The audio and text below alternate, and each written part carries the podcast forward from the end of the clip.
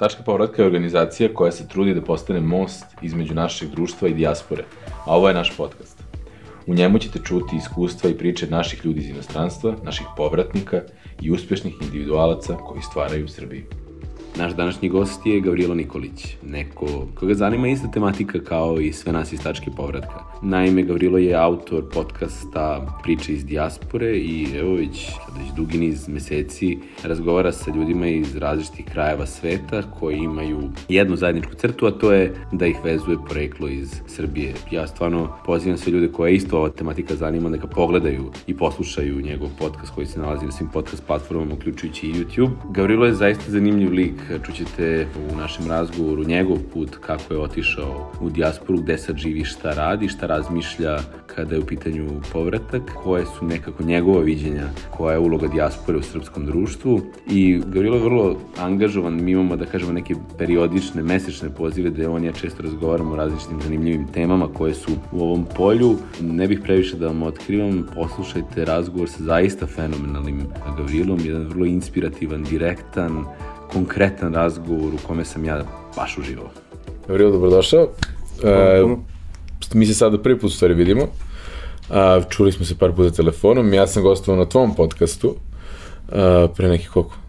Par meseci? Pa čini mi se u decembru prošle godine izašla epizoda, znači snimali smo odokativno novembar prošle godine. A tvoj podcast je šta? Moj podcast je priče iz dijaspore koji su najveća riznica iseljeničkih priča sa Balkana, da ga tako nazvam. I sad smo baš nešto pre podcasta pričali da si do, da je sad objavljena koja? 120?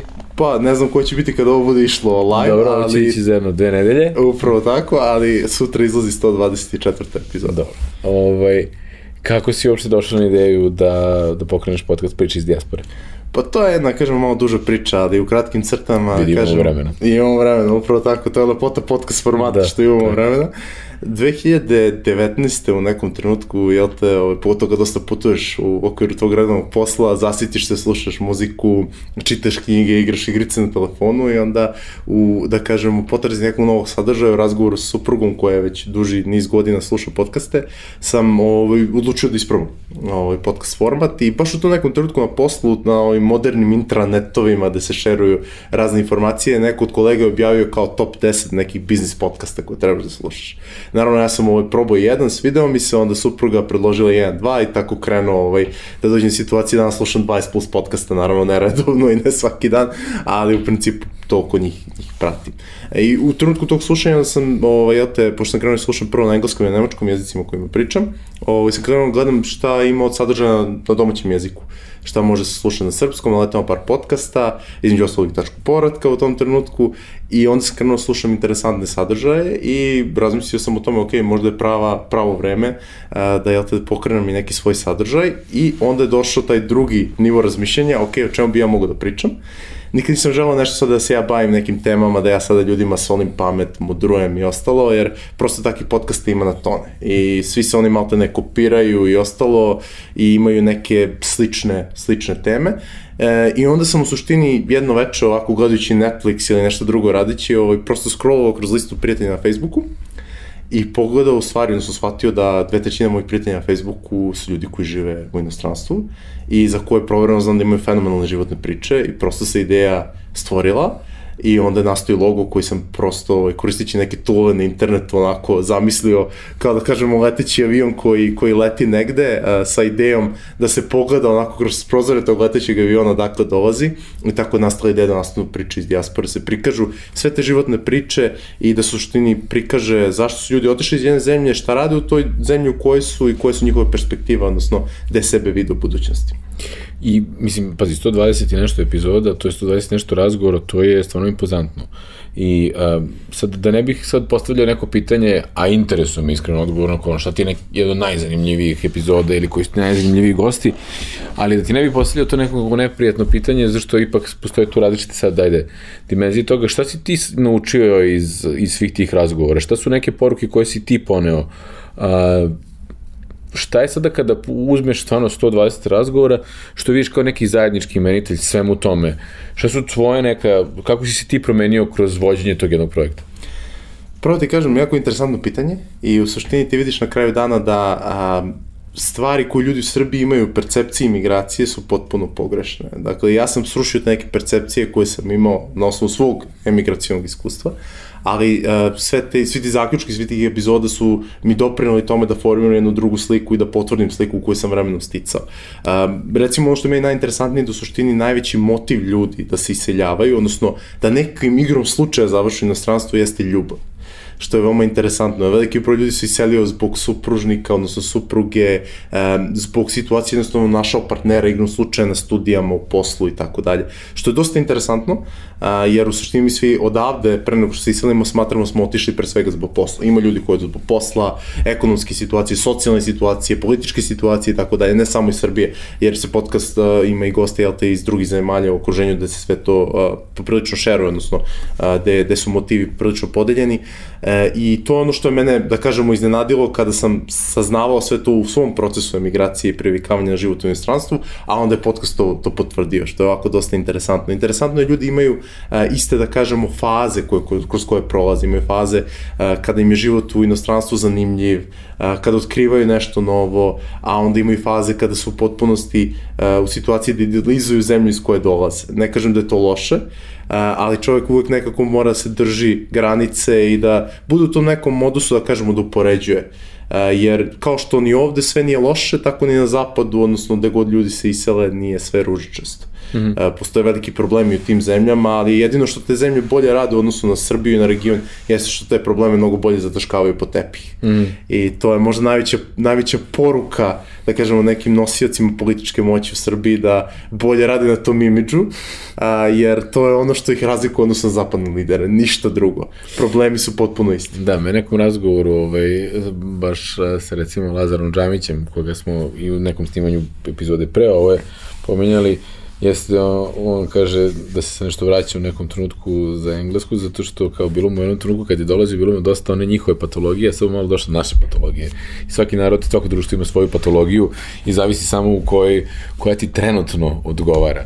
Ovaj, tako da, da, apsolutno se tu slažem. Ja imam isto malo problem sa tim previše srbocentričnim pogledom našim na stanje u državi. Znaš kad neko kažu, evo da sve najgore, naj, mi smo ovak, mi smo najgori, ili onda uđeš ono, mi smo najbolji, najjači, mi smo paralelno i nebeski narod i najgori narod na svetu u percepciji naših ljudi. To mislim, umesto samo da je narod kao i svaki drugi sa svojim prednostima i manama koji, mislim, su ili, ili smo ovakvi ili smo onakvi, ali u principu sve to negde, ljudi su ljudi.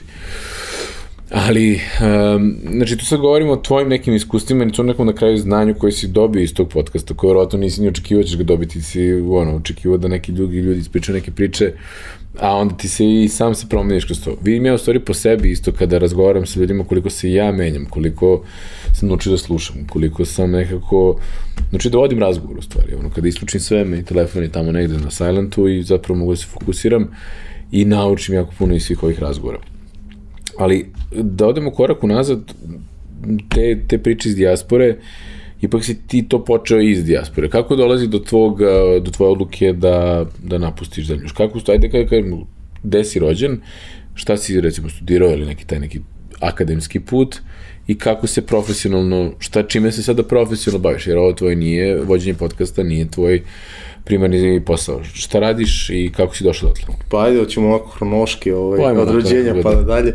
Ovaj, rođen sam u Beogradu 91. godine ovaj, kao svako, svako dete rođeno u tom nekom pre-post ratovskom periodu ili kao poslednja generacija rođena u toj velikoj Jugoslaviji, ovaj, jel te, odrastao sam tih nesrećnih 90-ih, krajem 90-ih, ali s jedne strane u srećno doba, jer otprilike u tom trenutku kreće ta digitalizacija i ono, zaista sam ponosan što ta neka naša generacija rođena krajem 80-ih, početkom 90-ih, zaista može kaže da je prva ta digital native, odnosno prva generacija na svetu koja je digitalno pismena, jer nama je u suštini paralelno smo uzimali u ruke loke i miševe na kompjuterima mm. i tastaturima tastature, e, što je, da kažemo, neka prednost u odnosu na ove nove generacije koje odrastaju samo s tastaturom i one stare koje su u suštini samo na, na olovkama odrastale. Mm uh, osnovnu školu sam završio u Surčinu, srednju školu 9. gimnazije na Novom Beogradu, posle toga kao i ovaj svaki uh, srednjoškolac koji ne zna šta da upiše, upisao sam prava, ovaj, uh, što je živa istina, ovaj, na nagovor jednog dobrog prijatelja, jer u suštini uh, ključna odrednica za mene je bila, ovaj, jel te su roditelji zahtevali da budu na budžetu, i onda naravno sam vidio da je najlakše spremiti taj prijemni, ja sam ceo život volao istoriju, volim da čitam o istoriji, istražujem, pamtim dobro godine, jednostavno sam vidio taj ključni deo prijemnog, položio taj prijemni upao na budžet i onda sam nekako zavolao to pravo ovaj, na neki čudan način. Jer ako me danas pitaš, ja sam, ja mislim, jedini student prava koji pisao prava i na prvoj godini izvadio da nikad neće se bavi pravom, neće mm -hmm. ikada položi pravosudni ispit ili slično. A, završio sam u roku i onda jednostavno u tom nekom trenutku kad sam završio u roku, ovaj, sam video da bi želeo u stvari da vidim kako izgleda raditi u Srbiji. Nisam bio jedan od klasičnih ljudi što su rekli, ja ću sad u inostranstvu odmah, ovde je sve najgore i ostalo. Znao sam da želim da vidim da, kako izgleda, izgleda raditi u inostranstvu ceo život, ne, ne samo raditi, nego živjeti i školovati se. I onda sam rekao, ok, ja ću da uradim ono što niko u Srbiji ne radi, makar ja nikog nisam čuo da to radi, a to je da uzme što bi rekli amerikanci, ono gap year, odnosno jednu godinu između mastera i ovaj, osnovnih studija, i da radim, i u tom trenutku apliciram za mastere ovaj, izvan, izvan Srbije. E, zaposlio sam na vladinoj organizaciji, radio kao istraživač ovako i video u suštini, moram da kažem, za ono što sam najzahvalniji i zašto ne želim da radim u Srbiji, odnosno nisam želeo u tom trenutku da radim a, jer mi je to nekako bilo monotono, u suštini procesi su nekako bili spori, um, u suštini činilo mi se kao da radiš u nevladinom sektoru, u suštini bi se isto osjećao da radim u nekom ministarstvu. U principu, cela struktura je bila spora, nije bila motivišuća za mlade ljude. E, I onda sam rekao, ok, to je to, nekako mi se ne sviđa, ne vidim da taj sektor vuče promenu koju obećava na papiru. Uh, I onda sam iskoristio priliku da u suštini odem... Uh, A kojem, industri, kojem pravcu se bavio taj nevladin sektor? Uh, oni su se bavili istraživanjem oblasti slobode kretanja robe, prava i ostalo. U suštini transpozicije legislative Evropske unije u, u Srbiji. Uh, u suštini na kraju dana zavisi od projekata interesantne stvari sam radio, ne mogu kažem da nisam radio interesantne stvari, dosta naučio pre svega, ali nekako uvek kada se na taj period obaziram, to je 2014. 15. godina, uvek u suštini uh, kažem da mi je najdragocenije iskustvo tada bilo što sam video da želim uh, za početak, možda je pogrešno reći da ne želim da radim u Srbiji, ali želim da vidim kako izgleda raditi negde drugde mm i šta vuče mlade ljudi da rade negde izvan, izvan Srbije. Uh, Uh, I onda sam igrom slučaju tokom tog procesa, jel te, dobio priliku da, da ovaj, su dobio stipendiju da studiram u, u Luvenu u Belgiji, mm -hmm. uh, kao prvi stipendista fondacije Wilfred Martens. Za ljude sa ovih prostora to vratno ne znači ništa, ali Wilfred Martens je bio jedan od, da kažemo, uh, premijera Belgije koji je najduže vladao, ako tako mogu mm -hmm. kažem, u Belgiji uh, i koji ima veliki utjecaj na stvaranje Evropske narodne partije, odnosno European People's Party. Uh, I prve te godine, za školsku godinu 2015-2016, fondacija je davala stipendiju stipendije isključivo za studente iz eh, ne eh, država, ne država članica Evropske unije, odnosno država koje se priključuju Evropskoj uniji. Eh, ja sam imao tu čast i privilegiju da jel te budem nosilac prvog tog uh, da budem prvi taj loret, što bi rekli englezi, odnosno prvi nosilac te, te na, nagrade uh, i da mi uruči lično tadašnji premijer Evropske, odnosno tadašnji predsednik Evropske komisije Jean-Claude Juncker, ovaj, mm -hmm. da popijem jedan šampanje sa njim na tom prijemu. Uh, ovaj, a potom sam, ovaj, ja te kažem ti, eto to, uh, september 2015. godine, ovaj, tada započinje taj moj, moj odlazak u inostranstvo, odnosno odlazak najpre na studije u, u Belgiju i ono, tamo, the rest is history. tamo provodiš godinu dana? Za početak godinu dana. Da, dobro. Tako je. Master ovaj, u Belgiji traje godinu dana i ja zbog moje četvorogodišnjih studija u Srbiji, oni imaju taj princip u Belgiji kao francuzi, Master 1, Master 2. Ja sam direktno otišao na Master 2 i ovaj, završio to u roku. Ovaj, I moram da kažem da najveće iskustvo s tih studija, Master studija bilo da sam se osjećao kao istraživač iz prethodnog posla, eh, jer smo mi dosta pisali. To je baš taj Master 2 u Belgiji, potom kada se baviš E, stvarima kao što su javne politike, to je bio fokus mojih master studija, e, sve je pisanje. Dakle, mm -hmm. ja sam napisao po slobodnoj proceni ne jednu, nego jedno četiri master teze, dok nisam napisao prvu master tezu koja da. u suštini bila tamo negde u maju, ja mislim 2016. kada sam morao da, da podnesem. I dobro, kažeš kad si završio fakultet, želeo si da daš nekako priliku radu u Srbiji, da si se tu donekle e, ne kažem možda razočarao u početku, ali objektivno želeo si da vidiš šta je sa te neke druge strane. I šta je bila ta neka, koji su neki kulturološki šokovi, kako si se privikao na, na život u Belgiji, šta ti je, da li se sećaš sada iz ove vizure šta ti je ono što ti je ostalo najopičetljivije iz tih prvih godinu dana, prvi godinu dana života u Belgiji? Pa, najpre kiša, tmurno vreme, e, katastrofa od vremena, ako tako mogu da nazovem. I, ovaj, s obzirom da Belgija ta prosječna temperatura je od 15 do 20 stepeni, onako konstantno. Što je generalno dobro zimi, jer e, ne može jel te, zbog e, pre svega klime da se sneg preterano zadrži. Izuzetak su neke godine, ali recimo te godine kad sam ja bio, jer čini mi se i, za novu godinu bilo možda 15 stepeni, mm. kao i u oktobru, kao i septembru otprilike, mm. kad sam otišao, a onda je otprilike jeste um, taj, taj njihov način struktura života koji je potpuno drugačiji. Um, to je dakle ideja da se recimo ovaj, u čitonici ti priđu ljudi u pola 12 i kao ajmo na ručak. Mm. Čekaj druže, ono, u Srbiji ljudi doručkuju pola 12. Mm. Onda recimo ovaj, te priče da, da, da belgijski studenti, um, odnosno sam grad Luven, možda za one koji ne znaju, je najveći, jedan najvećih evropskih gradova za studente. Mm uh, na populaciju od nekih, uh, čini mi se 60.000 ljudi, 30.000 ljudi su studenti. Uh, od toga veliki broj su belgijski studenti i oni svaki vikend u petak po završenim predavanjima sednu na njihove bicikle, uh, dohvate onako ovaj, ove kofere i onda to vuku do železničke stanice, zaključuju bicikle i idu kući i onda grad opustoši. I u gradu ne možeš da čuješ flamanski koji se govori u Luvanu, nego možeš da čuješ gotovo isključivo engleski, jer samo strani studenti ostaju tu za vikend i studenti se onda vraćaju u petak, o, u, u nedelju a, od svojih kuća i onda opet grad prepun. Čekaj, znači hoćeš da mi kažeš da kao nema studentskog života vikendom u Luvenu? Ima, ali isključivo internacionalno. Dobro. Zato se u suštini izlazi četvrtkom, odnosno što bi se rekao, četvrtak je mali petak da. i tada, je, tada su glavne žurke u to, tom Luvenu. Nadam se i dalje, ovaj, ne znam koliko je korona to poremetila, ali u principu taka je bila struktura. U suštini potpuno nešto drugačije. Dolazići iz Beograda, a, gde grad živi 24 kroz 7 i da ne znaš kada iđeš da li poljak, utorak, subota i dan danas, a kamoli pre, pre pandemije, jednostavno to je za mene bio šok, da, da vidiš da ljudi idu sa svoja mala mesta, jer u suštini Belgijanci žive u malim mestima. Mm. Belgijanci, život u Belgiji je fokusiran, kada neko kaže da živi u Briselu, može da živi u selu koji je 20 km od Brisela, ali mm -hmm. jednostavno je mnogo lakše ljudima da kaže da živi, živi u samom Briselu, jer dok bi neko našao njegovo selo, treba se onako potvrdi na, na nacionalnoj mapi Belgije da sagleda. Mm -hmm. Mm -hmm. I šta se dešava posle naučnih master studija? U toku studija uviđam da bi u suštini e, želeo da, da vidim kako izgleda um, da raditi u, u briselskom bablu, um, kao i svi ljudi koji se bave istim stvarima kao ja i koji su tu došli. Uh, video sam da to je jedina prilika u suštini kada si tu već na, na terenu, da imaš priliku da tu ostaneš. Naravno tu dolazi do onih prvih administrativnih problema, jer ne želim da kažem da nije moguće, ali skoro nemoguće kada imaš srpski pasoš da ostaneš kao neki trejni ili stažista uh, bilo gde izvan evropske institucije. U evropskim institucijama je to uh, dosta lakše, ne mm. poprilično lakše, ali dosta lakše odnosno neko drugo polje. Uh, ono što volim da naglasim uh, jeste da, da sam tu imao jednu veliku izdržljivost, s obzirom da sam uh, poslao i danas se sećam 103 aplikacije za traineeship, uh, od čega sam na kraju dogurao da dobijem jedan posao. I u suštini sam na kraju te, te 103 aplikacije čini se imao jedno dve dva razgovora, jer su samo dve firme u suštini bile zainteresovane da razgovaraju uopšte s nekim uh, ko, ko, za koga bi trebalo da urade, urade papire. Uh, na kraju sam u suštini, što, kaže, što uvijek volim da kažem, ovaj, ti trebaš da uradiš maksimalno koliko možeš, onda se stvari odvijaju same po sebi uh, i uvek će se stvari odvijati najbolje ukoliko uložiš najviše truda.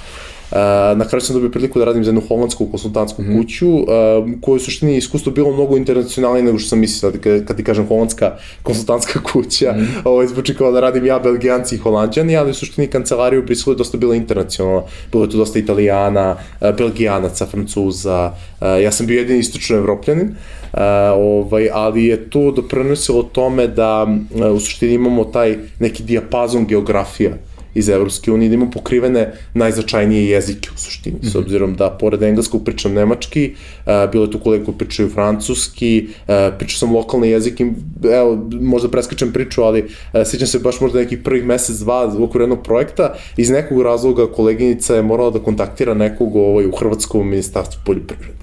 Mm -hmm. uh, naravno, kao i u našim ministarstvima, prvo osoba koja će dobiti otprilike neki portir, mm -hmm. uh, naravno, poštovanje tim poslovima, zato isto je tu kao ono, što se kaže, da blokiraju pozive dalje, ali jednostavno čovjek nije pričao ni reč engleskog. No ona nije mogla da dođe ni do, ni do koga, uh, znajući kako, što kaže, tikuju ljudi s ovih prostora, sam nazvao i rekao, zovem iz Brisela, uh, i u roku od nekih 4,5 sekunde sam otprilike došao do kabineta da. ministra, uh, da bismo dobili, u suštini se nije radilo o nekom sada kontaktu koji je bitno uh, dobiti, uh, nego se radilo o tome da se prosto dođemo da provjerimo da li je taj telefonski broj i email tačan, da bi se poslao jedan dopis njima. E, I tu sam u suštini video koliko u Evropi koja jako je multikulturalna i jako bitno poznavati više jezika, jer to je velika vrednost na polju ljudi koji imaju prilično slične CV-eve, e, pre svega u Briselu. Mm -hmm. uh, u toj nekoj rajnoj fazi kada svi završavamo studije i kada pokušavamo da, da se nađemo, da vidimo da li je taj pravac koji smo izabrali pravi za nas ili ne. Mm -hmm. I koliko se dugo zadržavaš u toj holandskoj konsultantskoj kući. Umeđu vremenu, e, ja te pri završetku studiju poznajem moju sadašnju suprugu, Dobro. koja je iz, iz Hamburga u Nemačkoj, gde živi moj sadašnji kum, odnosno jedan najboljih prijatelja. A upoznati se u Hamburgu? Upoznamo se u Hamburgu, tako je. Šta si radi u Hamburgu? Eh, dugo priča, ali ukratko, ovaj, kao i sve gastarbajterski, ono priča što da. volim da ih nazovem po znacima navoda. mi smo jedno već izašli na, na ta balkanska druženja i sa mojim kumom, jel te, i tu sam se upoznao sa suprugom, sadašnjom. E, I to je ono najlepše u suštini što sam volao u studijama u Luvenu, iako su trajale kratko svega tih manje od godinu dana, jeste ta, odnosno gap week, kako je zove, odnosno ta uh, nedelja između semestara kada mm -hmm. bukvalno nikog nemaš u gradu i ljudi putuju uh, na najluđe destinacije u Evropi, to internacionalni studenti koji žele da vide nešto. Uh, ja sam i oto teo posetim sadašnji klub u Hamburgu i eto, tako život me je naveo, naveo na Nemačko na neki način. Um, kad sam počeo radim u Briselu, uvek je bila neka ideja moje supruge da se nađemo u istom gradu, da vidimo da li je to to, uh, pre nego da kažemo, može, da vidimo da li možemo zamislimo zajednički život. Uh, međutim, to je naravno uh, za početak bilo jako teško, jel te, jer uh, sam i, i danas imam jel te, srpske papire sa kojima je jako teško da menjaš države, članice u Evropskoj uniji, pogotovo ukoliko nemaš stalno zaposlenje. Uh, I to je doprinosilo ulogu što sam ja bio zaista zadovoljan poslom u Briselu, sam dosta učio, radio, uh, imao prilike da upoznajem raznorazne ljude uh, i da učim njihovih iskustva. A i administrativno je bilo lakše da ostaneš, tako? Tako je, tako je. E, mada u suštini, to možemo pričamo kasnije, kada pogledaš proces emigracije u zemljama zapadne Evrope, sad ne znam, ovo je severna, rekao bi da je kod njih lakše jer je dosta digitalizovano, ali u odnosu na Belgiju, Nemačka je zaista zemlja u kojoj može vrlo lako da se emigrira sa te papirološke strane, šta je potrebno spremiti, dokazati i ostalo, pogotovo ako imate siguran posao, mm -hmm. o, jednostavno dobijete ugovor u određenoj, određenoj firmi. E, međutim, ja sam ovo već u tom trenutku nekako gledao ukoliko bi se otvorila prilika da pređem, pređem za Nemačku i da a, u suštini a, nađem posao u nekoj korporaciji. Zašto korporaciji? Zato što sam ja radio u konsultantskoj kući. Konsultantska kuća a, jednostavno dosta se nauči, a, međutim dosta je stresan posao. Ja sam u trenutku radio na 12 projekata 12 projekata, to naravno, kada kažeš ovako, nisu to mali projekti, da su veliki projekti e, na kojima čovjek mora bude, e, što kaže, devotiran, mora da, mora da bude spreman da radi na njima i ono prekovremeno i to je posao koji sam radio između 60-70 sati, ne, to su bili mm. vikendi. Sada kada pogledam iz sadašnje perspektive posle, kažem da sam tada radio, ono, izlazi iz kancelarije u petak u 9 uveče, slatko se nasmeje, mm. ali je bilo vredno, ja sam mnogo naučio, mnogo ljudi upoznao, u kontakta uspostavio i imao prilike da u suštini vidim šta me interesuje. Mm -hmm a koje javne politike Evropske unije mi interesuju, tada sam u suštini vidio da želim da se fokusiram više na javno zdravlje a, i uopšte taj health policy landscape.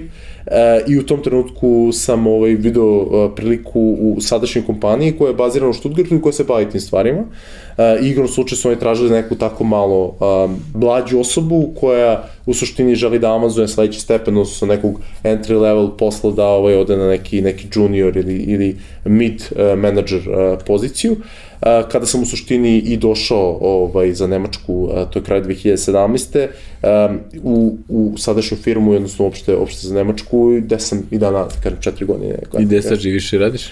Sad živim u Hamburgu, a radim za firmu koja je Stuttgartu, u suštini sam uvijek živio između Hamburga i Stuttgarta na kraju, na kraju dana i nisam ja jedini, dosta Nemaca, dosta naših ljudi koje vezu za jedan grad, žive između dva grada, u suštini naravno sam sam samo u jednom gradu kada je krenula pandemija, mm -hmm. jer je to postalo dosta lakše i tu se vidi koliko ovaj, sve više postajemo digitalni svet i koliko da nas ljudi E, ljudima više nije bitno da li živiš u ovom ili ovom gradu, bitno je samo si povezan na internet i da imaš tu, da kažemo, neku rezidencijalnu osnovu zemlju koju treba, treba firma plaća porez za tebe i ti ja plaćaš porez. Da. I da na kraju dana imaš radnu etiku koja može to sve da isprati, da imaš disciplinu da možeš to da sprovedeš u kući ili u nekom... To je već ono, radna kultura, ali o tome možda pričamo satima. da, ali um, i sad evo, znači imaš to neko, um, da kažemo, ajde, internacionalno iskustvo iz Belgije i, i, i iz Nemačke. Um, koliko često dolaziš? Trenutno jednom godišnje, na par nedelja. Trudim se i želeo bih da to bude više puta godišnje, pre svega što imam malo dete i želeo bih da on sve više ovaj, ostane u kontaktu a, sa ovaj, ovde kulturom i hvala Bogu evo od aprila ove godine Vizer je uveo direktno letove Hamburg, Beograd i evo ovde lobiram direktno za, kod njih da, mm. da ti letovi ostanu što češće jer zaista to ovaj, dosta doprinosi kontaktu cele dijaspore kada iz svog grada da žive imaju priliku da direktno lete za Srbiju. Ti onda može dođeš na vikend. Apsolutno, s obzirom sve to je četvrtak nedelje, tako da. da bolje ne može biti. Da, da, da. da. ovaj, I sad si na nekom tom karirnom putu, e, iz Belgije si prešao za Nemačku, ok, vezujete tu sad i porodica i imaš neko jasno sidru, posao, porodica, ali je li to za neka kao srednjoročna, dugoročna instanca, ideš li negde dalje, razmišljaš o povratku? To je pitanje na koje, u koje suštini postavljamo u svom podcastu, jel te? Prvo pitanje je ovaj, motiv ljudi zašto su otišli iz zemlje o kojima smo već pričali na početku, a, na, a drugo pitanje na kraju je, ovaj, jel te, a, da li ljudi sebe vide u Srbiji u budućnosti. Zašto mm. smatram da je pitanje vide, a, to nije više fizičko a, prisustvo, nego i neko psihičko vezanost mm. i ostalo. A, najčešći odgovor na to pitanje ne znam. I moj odgovor na tvoje pitanje isto ne znam. A, volao bi sebe da vidim što više u Srbiji ali da li će to moje prisustvo biti fizički ili na neki način virtualno kao i priče iz dijaspore, to ostaje se vidi. Smatram da i sam podcast priče iz dijaspore nešto što doprinosi ne samo našim ljudima u dijaspori da se nađu u tim drugim pričama i vide da u suštini svi imaju iste strahove, nadanja, čežnje, nego isto doprinosi ljudima ovde. Mnogi ljudi previše crno vide Srbiju i možda žele da po svaku cenu emigriraju, a u suštini bi trebalo malo da se zapitaju i razmisle kakva je njihova lična situacija. Da li oni možda žele da ostane ovde, da budu bliže porodici, da li je to što njih interesuje više nego da po svaku cenu odu, čisto da bi se možda neko divio ili da bi mogli, ne znam, kada dođu da pričaju o tome kako to izgleda u Nemačkoj, Švedskoj, Švajcarskoj i ostalo. A šta je ono što te, mislim, kažeš, odgovor na tvoje pitanje, da li se vidiš u Srbiji, ti kažeš sam ne znaš. Šta su te stvari koje e, tebe sada drže u Nemačkoj, a ne, ne, što ne, s obzirom da ono, znaš engleski, zašto ne emigraš u London ili u neku Kanadu ili u neku, zašto, za, zašto, zašto, da, zašto je Nemačka sada ta distanca, pored kapiram porodica, žena koja je tamo rođena, na poreklu naša, ali zašto je taj ono proces stao ili zašto to mi nekako kao jer ja to govorim i pitam te iz ličnog iskustva zato što ja sam živio 10 godina na polju bio sam na 3 4 različite lokacije. Sada sam u Srbiji. Ne znam do kada da li ostajem dugoročno da li ću zaovek biti ovde da li ću negde ponovo. Iz, iz istog toga nekog ono baš me je kao kada sedneš i kada razgovaraš u čemu razmišljaš kako rezonuješ ono što osjećaš. O, to ti je jako dobro pitanje. Uh, prosto smatram da ja i ti pripadamo nekoj generaciji tih globalnih mm. građana. Mm. I za mene isto kada sad kažeš povratak u Srbiju, ja to stavljam na istu, da kažem, na isti, na isti nivo kao da mi neko kaže ja razmišljaš da se istoješ u Kanadu ili negde. Za mene je to prosto na istoj, um, na istoj osnovi. U suštini smatram da je jako bitno, pogotovo kad imaš decu koje su mlada, da što više proputuju, imaju prilike da što više vide, da osete različite kulture. Jer uh, svaki put kad se seliš u drugu zemlju, znaš i sam, uh, da ti prigrabiš deo te kulture i to je ono što a, u suštini svako treba, ja suš, naravno držim podcast priče iz dijaspore na momente i često kao što sam već napomenuo, ne propagiram da ljudi direktno razmišljaju o migraciji, ali bih svakome preporučio da ukoliko emigrira, najpre vodi računa o tome kakva iskustva stiče. Mm -hmm. uh, zašto? Zato što ćeš uvek obogatiti sebe pre svega, a onda ćeš obogatiti i tu sredinu u koju ideš da li, se to, da li to bilo vraćanje za Srbiju, odlazak negde dalje. Um, ono što, što ljudi možda ne vide u tom prvom naletu uh, jesu ta iskustva, a to svako iskustvo koje živi životom na polju, svaki dan se meri možda kao godina.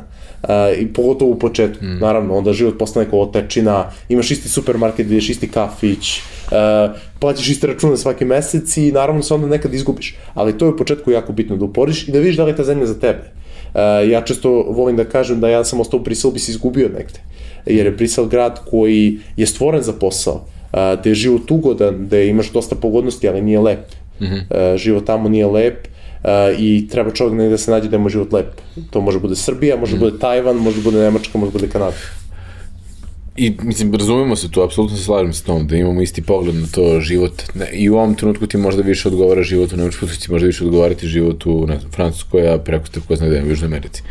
A nekada možda u Srbiji, ali opet ma ipak mi, ja recimo razlog zašto sam ja uvek znao da želim da se vratim, je što pripadamo u ovom kulturnom kontekstu. Ja volim e, način na koji mi funkcionišemo kao ne mogu kažem kao društvo, nego pre svega kao neke zajednice koje su meni dragi i bitne. Um, volim da sam blizu porodice, imam neku tu uh, povezanost sa, ne znam, i sam ti lokalitetom, ja sam, u Švajcarskoj sam živeo um, četiri godine u Luganu, ono, vrto, ko mene se neki planinčuge i ja noću sanjam ravnicu. Zašto? Ne znam. Znači, ne mogu ti kažem da li je to iz nekih naučenih ono, običaja, pesama, nešto što sam bio okružen, ili jednostavno nečim familijarnim što moglo da me, kao da kažem, umiri u momentima kada postoje neke određene neizvestnosti, ili ti kao dete sa 14 godina odeš u Švajcarsku, sve, a pritom oko tebe sve nacije, svi neki strahovi i nesigurnosti, Ovaj, pritom sam još imao izvođene sve trojke, tako da sam bio i Krezubov, zamisli tineđer Krezubov kad, u, u, u, ovaj, u naletu, naletu hormona. Uh, ali ja pripadam ovom kulturnom kontekstu, ja to znam i to razumem i to ne znači da i ako odem sutra negde da i dalje neću pripadati ovom kulturnom kontekstu, samo znam da mi je ovo nekako, gledamo na, tako nekako definitivna um, ajde da kažemo destinacija, ali u skladu sa tim šta je ono što tebi najviše nedostaje iz Srbije i sad opet to su neka, obično su to ljudi, neki detinjstvo, scene, ne znam šta, ali opet šta su te neke, kada da kažemo konkretne stvari, možda neke sitnice, uh, pa možda neke krupne, šta je to što kada ti ono u nekim trenucima svog neke nalete nostalgije ili čašice više, šta je ono što, što tebi nedostaje? Ljudi se na to smeju, ali u suštini odgovor je uh, poprilično jednostavno, to je miris betona. Da. Uh, onaj osjećaj kada sve one koji su s Novog Beograda i okoline kad upeče ono preko 30 pa kad osjetiš koliko gori asfalt u Jurija Gagarina. Dobro. To je ono što što meni najviše nedostaje. Jer je tu neki podsjeća me na mladost da. i a, podsjeća me na na ta neka vremena koje naravno su romantizovana, nostalgična i ostalo i treba budu takva. Da. A, jer bi u suštini možda gledali život previše crno, a, ali to je ono što mi najviše nedostaje u tom nekom nekim nostalgičnim momentima. Naravno to je porodica, prijatelji, a, ta mesta i ostalo i, i u suštini a, to je lepo imati mm. jer to su ta sećenja koje te teraju da ideš dalje. Uh, u suštini, naravno, sve nas teraju nekad da mislimo o stangličnim vremenima, a trebalo bi, trebalo bi nas goni da radimo dalje, da ta sećenja održavamo i da ih što više imamo u kontekstu. Mm. Um, smatram da je ova korona uh, poremetila svet na dobro jer u suštini sada ti otvaraš mogućnost ljudima mnogo češće dolaze koji su iz, iz dijaspore, a, možda ovde rade mesec, dva, pa onda idu tamo, ovaj, dakle su mesec, dva, a, ali to je ono što je, što je u suštini korona donala kao a, kao mogućnost. Mm -hmm. I povezala nas više, iako možda više digitalnim putem nego pre. Jer su jednom ljudi krenuli da se javljaju da gledaju kako je, šta ide. Odjednom nije postalo bitno da ćeš tići ovde za minut ili ne, mm -hmm. nego je postalo bitno da smo umrženi i povezani. Mm -hmm. Pa ti si dve godine mlađi od mene a imaš dete. I ja, što ja nemam, što je sasvim okay, nego, ali recimo kažu ljudi da, se, da se percepcija života promeni kada dobiješ dete. Sad ja nemam to iskustvo, tako da ne mogu, moram da, moram da tvoje da se osnovim i da, da, da u tebi iskustvo. Ali da li e, drugačije vidiš e, svoju emigraciju nakon što si dobio dete i da li te recimo ono, e, da li na tebe utiče na bilo koji način to što možda tvoje dete neće imati odrastanje koje si ti imao ili u istoj nekoj zajednici. Da li u stvari, samo generalno, da li je e, stvaranje porodice, dobijanje deteta uticano na to kako vidiš emigraciju ili migraciju generalno? To je jako dobro pitanje u kojem se dosta bavim u poslednje vreme na podcastu, ovaj, jer dosta ljudi javljaju sa pitanjima mm. ovaj, kako izgleda, ne lično meni, ali evo baš u ovom trutku kada pričamo sutra izlazi epizoda sam gostio ovaj, prijateljicu Jelenu Janković koja u suštini ima podcast koji se zove, Ser oh, izvini, ne podcast, nego Instagram koji se zove, uh, Instagram profil koji se zove Serbia Mom in the US, okay. uh, gde, ono, srpska mama u Americi, gde šeruju iskustva A, ima troje dece i prosto kako to izgleda, šta birati da birati, kako izgledaju lekarski pregledi, kako se upisuje u školu, dvojezičnu, um, jednostavno sjajne iskustva. Dobro. E, I nju sam među ostalog kontaktirao na osnovu zahteva, slušalci su pitali kako to izgleda u Americi i ostalo. E, smatram ti definitivno promeni celokupan život. E, prosto imaš u jednom trenutku jednu osobu više u porodici, A, ovaj, ja i supruga pored deteta imaju dve mačke i onda je to bilo sad jednom nas pet, a bilo nas i četvoro, od toga dvoje ljudi koji, s koji ne razgovaraju, nego sad da ih pomaziš i možda nahraniš ujutru i uveče i sipaš vodu. A, tako da je jednom bila velika, velika mislim, e, generalno ljudi kažu da je manja promena a, na jedno dete nego s jedno na dvoje. A, nemam dvoje dece još pa ne mogu da potvrdim, ali za mene generalno bila velika, velika promena uh, u celokupnoj perspektivi života i naravno ti onda stane da, da dete priča jezik koji ti pričaš uh, i da ga priča dobro. Pogotovo što je srpski jezik koji um, je teško naučiti, mm. a lako usvojiti. Mm. E, I ono što me oduševljava, evo ovde koliko smo već sada trenutno 10 dana u Beogradu, uh, koliko u suštini uh, mali uh, je naučio reči, pre svega srpskih e, što ti pokazuje koliko deci znači kada promene tu sredinu e, što je potpuno fenomenalno. Ja sam to, to mi čitao, slušao, ali dok nisam video, prosto sam se oduševio. E, naravno, kao i svako dete koje odrasta u inostranstvu, on meša reči, zna nešto na nemačkom, nešto na, na srpskom, e, pored toga upije engleski, pa zna i, i meša i to, ali to je možda neki savjet svim roditeljima, ne insistira, koji imaju decu u inostranstvu, ne insistirati na tome da mi pričaju čisto kad su mali, nego da pričaju. Da. A ta čistota doće. Naravno, svako, svako dete posle u tinečarskim godinama, vratno u inostranstvu ima neku simpatiju, ljubav ovde u Srbiji i onda se odjednom popriča srpski mnogo bolje nego što Da. se pričao pre toga. Tako da do tada treba negovati više tu kulturu da, da pričaju. Da, Jer samo kroz priču to ide. Milutin Nikolić koji ima, koji ima svoju inicijativu, bio kod nas gost u podcastu, ima svoju š- školu, online školu srpskog jezika, tradicije i kulture, ima celu tu teoriju da u stvari inteligencija dolazi iz ono, dvojezičnosti ili multijezičnosti, da ono, statistika jasno pokazuje da ljudi, da deca koja su odrastala na dva, tri ili više jezika, jednostavno ti kada možeš da se prilagodiš na nekoliko različitih jezika, ti si u stvari inteligentniji da se prilagodiš određenim drugim situacijama, jer te život starta nauči da se prilagođaš drugim kontekstima. Ne samo to, čak bih rekao da si racionalniji kad razmišljaš na jezicima koji, um, koji ti možda nisu materni. Mm -hmm. Uh, ja znam često kada treba neku odluku da donesem na poslu, kada radim na engleskom i nemačkom, mnogo je lakše donesem i mnogo racionalnije nego na srpskom. Pogotovo što na srpskom su više neke privatne stvari, su uključene emocije Da. i naravno onda razmišljaš drugačije. Tako da ne kažem ljudi da treba da odlučuju isključivo racionalno, odnosno uh, da, da ne upoćuju emocije, ali mislim da znanje više jezika je nešto što ti pomaže da racionalnije donosiš odluke. Jer što je zanimljivo, moj najbolji prijatelj je, ja sam u Švajcarskoj, jedan prijatelja, imam jednog odavde, jednog iz švajcarskih srednja škola, 15 godina se znamo i igram slučaja živi u Srbiji sada, up, zbog ljubavi se preselio, kao što smo pričali na početku, živi ovde u Beogradu i e, kaže on meni u jednom trenutku, znaš kako mi je jako čudno, pazi, oni stvarno su ono, par koji je dugo godina zajedno i zaista su vrlo bliski, pogotovo još i korona i on se preselio zbog nje, dodatno to nekako približila njih dva. Kaže, a znaš šta je meni prečeno? To je, ta moja devojka je osoba koju ja znam bolje nego bilo ko drugi na svetu. Ali on je kanadjanin italijan, ona je srpkinja. Kaže, ali ja znam da on ima drugu ličnost kada priča srpski, ja to vidim, ja nju ne mogu da razumem. I meni je suludo što ja osobu koju ja znam najbolje na svetu, znam da nikada neću dobaciti da razumem na, njen, na njenom jeziku, na njenom, jer ja znam da je ona drugačija osoba, jer ona, jer, a ja pritom znam je i na engleskom i na srpskom, i ona je na srpskom i duhovitija i drugačija, ima neke elemente koje na engleskom možda nema i nikada u stvari neće imati, tebi se ličnost promeni kada pričaš drugi jezik.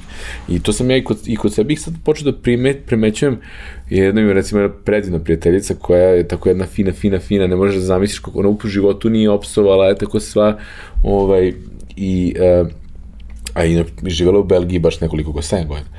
I uh, recimo kada priča engleski, psuje. Kada priča srpski, ne psuje. Potpuno, potpuno suludo.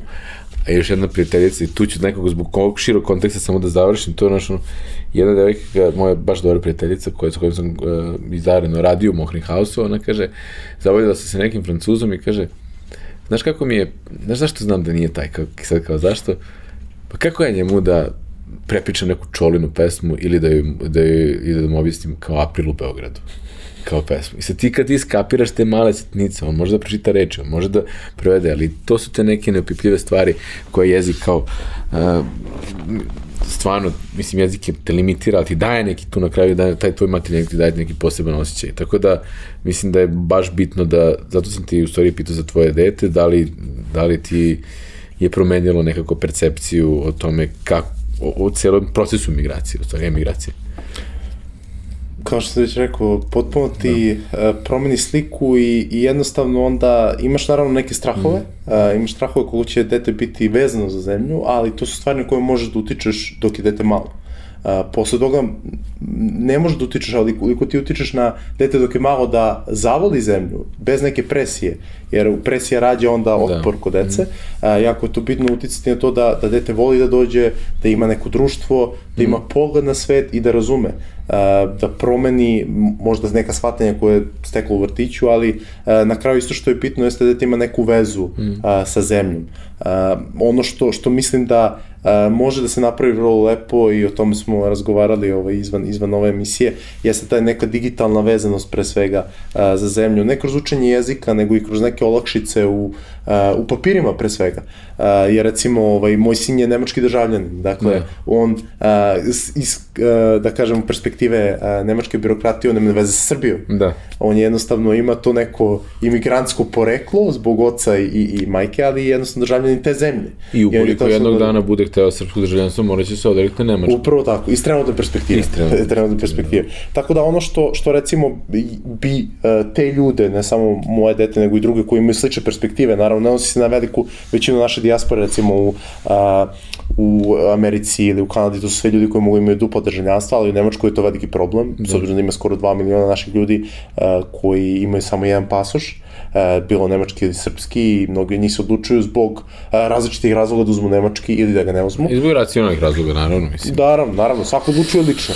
A, ali je to neka spremna kad bi postala neki digitalni pasoš ili papiri a, da bi se jednostavno ljudi osjećali delom na neki mm. način, kao što mnogi postaju digitalni uh, građani Estonije da. uh, iz zezanja, uh, tako bi neko možda odlučio, ne samo zbog zezanja, nego zbog nekih privilegija postane na neki način digitalni uh, građani Srbije, jer to je, to je dobra veza. Mm -hmm. uh, jeste papir je papir, ali uh, ja recimo nikada u životu ne bi mogao da se odreknem srpskog državljanstva ako ne živim ovde. Mm -hmm. uh, to je nekako neka posebna veza mm. koju ne možeš da objasniš. Niti bi možda trebalo da objašnjavaš ljudima. To je nekako onako poslednje, poslednji čin koji te vezuje za zemlju. Mm. Uh, pored, kažemo fizički, druge su veze sa ljudima, prijateljima, ali um, nekako mislim lično kada bih se odrekao srpsko državljanstva bi se odrekao dela sebe. Da. A to je posljednje što želim da uradim, bi se onda faktički uništio neki period uh, pre sebe. Da, jasno. Um, imamo neka pitanja koje postavljamo na kraju, koje su ono kako pitanje za sve goste. Uh, jedno pitanje je uh, onako nekako uh, čisto nekako da, dodatno neki kolori doda, to je koju knjigu si najviše puta poklanjao uh, generalno, znači ne koji si kao tipa, baš koji si poklanjao drugim ljudima, koja je u stvari ostavila najviše uticaj na tebe na taj način. Koju knjigu si najviše poklanjao drugim? A kad se pitao da imaš stane na pitanje, rekao si ja nemaš. pa imam neka, ja ga da si gleda malo. nisam radio Treba si do kraja da ispratiš. Nisam pratio, nisam pratio do kraja, nisam ovaj radio domaći. A, knjigu koju sam najviše puta poklanjam da. ljudima da. i koji je moj apsolutni favorit a, jeste, a, sad ću ja prvo da prevedem, a, prvo ću kažem na engleskom, to je How to a, uh, Make Friends and Influence People od uh, Dela Carnegie, odnosno kako uh, postaviti prijateljstvo da. i, i ovaj, influencirati ljude. Evo, sad će ljudi kaže pravi gastarbajter, da. on nešto da prevede. Čitao sam knjigu na engleskom, da to mi prvo pao na pamet uh, ovaj, jel te, na engleskom naziv, uh, koja je sjajna knjiga o komunikaciji. Aha. I u suštini to nisu nikakve mudrosti, nešto što niko od nas zna.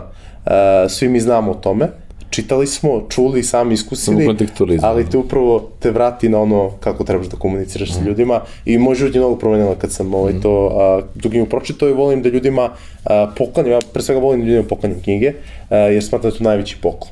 Um, sve drugo, da li si nekom poklonio parfem ili nešto drugo, mislim da, da, da je u kontekstu uh, i neki drugi poklon ne donosi ti kvalitativnu razliku u životu kao knjiga. Mm uh, u kontekstu pandemije. Izvan konteksta pandemije uvek volim da poklonim pogotovo najbližim osobama neko putovanje, jer to je iskustvo uh, iskustva i... To je neka nova vrsta znanja. Tako da. je. Iskustva i znanje je nešto što uh, ne možeš da platiš. Da. Ukoliko si spreman da učiš. Ukoliko nisi spreman da učiš, može čovjek ti pokloni celu biblioteku, nećeš ništa iz nje naučiti. Tako je. I drugo pitanje je, opet vezano za život ovde, da imaš ono magični štapić kojim ćeš da napriš jednu promenu u ovom društvu i da sutra to svi prihvate kao novo normalno, koja bi promena u srpskom društvu to bila? da iskoristimo inat u pozitivne svrhe. Smatram da je srpski inat nešto po čemu smo jedinstveni mm -hmm. u svetu i koje nam je pre svega u sportskim dešavanjima donalo nebrojne radosti ovom narodu i naciji, ali uh, je veliki problem što ga često koristimo u loše svrhe. Uh, kada bismo mogli to iskoristiti u, u dobre svrhe, mm -hmm. To bi bilo fenomenalno. Hvala ti puno što si bio gost podcasta Tački povratka. Želim ti stvarno puno uspeha u tvom podcastu. Mi ćemo linkovati tvoj podcast dole u opisu ovaj, i radujem se svakom, ovo je prvi ovako fizički susret, ali imamo i mesečne pozive. Nadam se da ćemo tu tradiciju da nastavimo i radujem se svakom budućem uh, i fizičkom susretu. Hvala puno Ivana na pozivu. Mislim da ono što radi tačka povratka i lično je sjajna stvar. Želim vam puno sreće u narednom radu i naravno ostajemo u kontaktu da, da radimo zajedno za dobrobit i naše dijaspore i matice od. Tako je. Ništa vidimo se onda. Pozdrav.